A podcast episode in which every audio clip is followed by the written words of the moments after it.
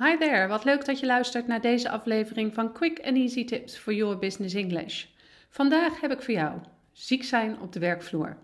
Mijn naam is Anneke Drijver van Improve Your Business English en de auteur van het boek Master Your Business English: Communicate with Power in 7 Simple Steps.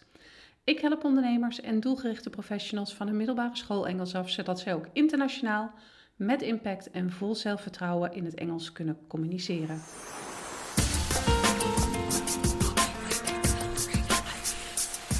Als je deze aflevering hebt geluisterd, zou ik het echt enorm op prijs stellen als je een review voor ons zou willen schrijven op SoundCloud of iTunes. Dat helpt anderen namelijk weer om onze podcast te kunnen vinden en daarmee hun Engels te verbeteren. Helaas overkomt het iedereen wel eens. Ziek zijn.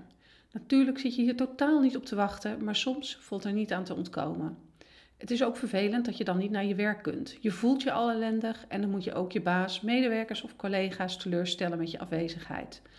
Om deze onprettige gebeurtenis wat minder vervelend te maken, geef ik je in deze podcast verschillende tips en voorbeelden over hoe je situaties rondom ziek zijn het beste kan aanpakken. Bijvoorbeeld hoe je je op een professionele manier kunt afmelden. Ook geef ik je tips over wat netjes is om wel en niet te vermelden en wat insights over griep en ziek zijn in de Engelse taal.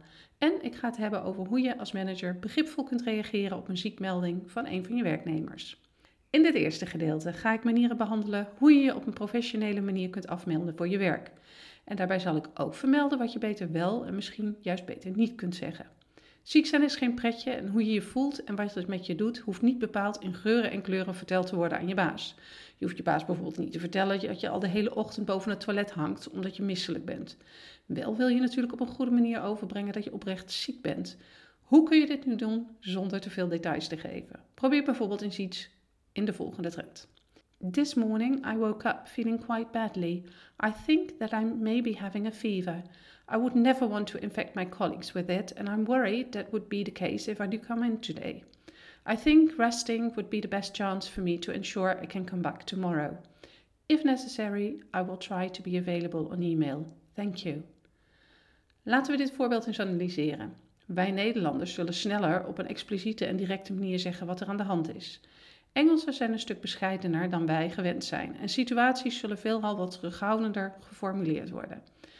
Het in het voorbeeld genoemde quite badly kan voor onze Nederlandse oren een beetje als een understatement overkomen, maar dit is juist zoals een Engelsman het zou beschrijven. Het gebruik van een understatement is onderdeel van de Engelse cultuur en de Nederlandse directe manier van formuleren zou in het Engels juist leiden tot onbegrip van je baas. Dat is ook terug te zien in de volgende zin: I think I may be having a fever. Als je koorts hebt, weet je dat waarschijnlijk zeker. Het is dus erg bescheiden om te zeggen dat je denkt dat je misschien koorts hebt. Toch zou een Engelsman deze manier van formuleren verkiezen boven een directere formulering. De rest van het voorbeeld is op dezelfde bescheiden manier geformuleerd. Natuurlijk is er veel variatie mogelijk en kun je er naar eigen smaak zinnen aan toevoegen of juist weglaten. Heb jij nog een goede voorbeeldzin die je zou willen toevoegen aan het voorbeeld? Laat het vooral weten in een reactie. Wat je dus uit het bovenstaand voorbeeld kunt herleiden, is een belangrijke tip. Wees bescheiden in het Engels en gebruik liever een understatement dan dat je de situatie benoemt zoals hij daadwerkelijk is, zoals in het Nederlands wat sneller gebeurt. In het tweede onderdeel van deze podcast ga ik het hebben over verschillende aspecten van ziek zijn en de griep hebben. Hier volgt een overzicht van een aantal termen die handig zijn om verschillende soorten ziektes aan te duiden. 1. Als eerste hebben we de twee begrippen sick en ill. Het verschil tussen deze twee woorden werd ook al benoemd in mijn blogartikel genaamd Under the Weather. Maar omdat het een belangrijk verschil is, benoem ik het nog eens. Nederlanders zullen snel voor het woord sick kiezen, omdat het het meest lijkt op het Nederlandse ziek. Toch is er een belangrijk verschil tussen het Nederlandse ziek en het Brits-Engelse sick. Met sick wordt namelijk overgeven bedoeld. Wanneer je iets zegt zoals I'm feeling sick, zeg je dus dat je het gevoel hebt dat je moet overgeven. De juiste vertaling van het Nederlandse ziek in het Brits-Engels is ill. In het Amerikaans-Engels kun je het woord sick wel gebruiken voor het woord ziek zijn, wat wij in het Nederlands kennen. Het onderscheid in het Amerikaans-Engels tussen sick en ill is dat de eerste als informele vorm wordt gebruikt en de tweede als formele vorm. 2. Over het algemeen kan de meeste pijn omschreven worden met het woord ache. Je plakt de plek waar je pijn hebt voor het woord ache.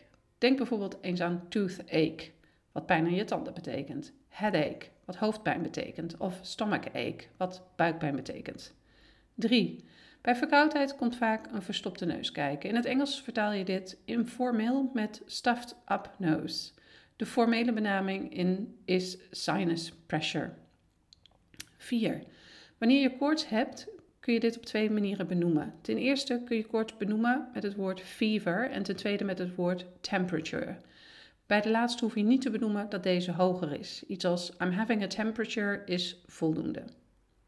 In het derde onderdeel van de podcast ga ik het hebben over een aantal uitdrukkingen en informele benamingen die je in het Engels kunt gebruiken om te omschrijven dat je ziek bent of de griep hebt. In het Engels zijn er verschillende woorden die je kunt gebruiken. Let er wel op dat deze woorden voornamelijk in een informele setting gebruikt worden en dus misschien niet zo geschikt zijn in een formeel gesprek. Engelse locals gebruiken deze woorden echter vaak in informele situaties, dus ze begrijpen en kunnen gebruiken vergroot je Engelse kennis zeker. 1. To have a dicky tummy. In het Brits heb je een rijmpje waarin Tom Dick is sick voorkomt.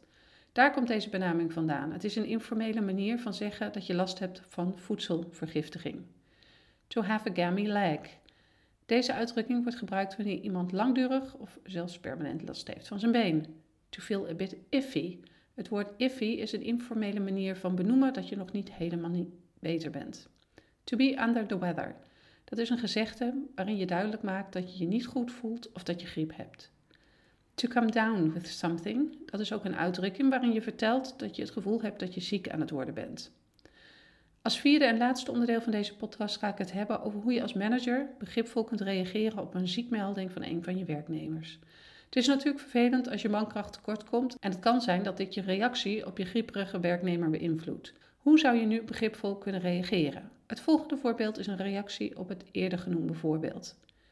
Thank you for letting me know. I hope your day off will ensure you to be up and about tomorrow so you can get back on track. If anything important comes up, I will email you to keep you informed. So thank you for being available to check your email once in a while today. My wishes for a speedy recovery. Zoals je misschien al gehoord hebt, bevat het bovenstaande voorbeeld een aantal uitdrukkingen. De eerste is to be up and about. Dat is een uitdrukking die in het Engels specifiek gebruikt wordt om aan te geven dat iemand zich goed genoeg voelt om uit bed te komen. Een perfecte uitdrukking voor deze situatie dus. De tweede uitdrukking is to be back on track. Deze uitdrukking betekent doorgaan zoals gepland of verwacht en wordt typisch gebruikt na een probleem. In het geval van het voorbeeld is het een probleem, dus het ziek zijn. Daarnaast wil ik nog eens extra nadruk leggen op de laatste zin. Iemand beterschap wensen in het Engels kan natuurlijk op meerdere manieren, maar recovery wordt veelal met speedy gecombineerd in deze context. En daarmee komen we aan het einde van deze podcast. Als het goed is, heb je wat tips en tricks geleerd om je weg te kunnen vinden rondom ziek zijn en dit goed te kunnen formuleren. Heb je zelf nog een goede voorbeeldzin of heb je vragen naar aanleiding van mijn voorbeelden? Laat gerust een reactie achter. Ben je op zoek naar meer manieren om jouw zakelijk Engels te verbeteren? Bezoek dan onze website www.improveyourbusinessenglish.nl. See you next time met quick and easy tips for your business English.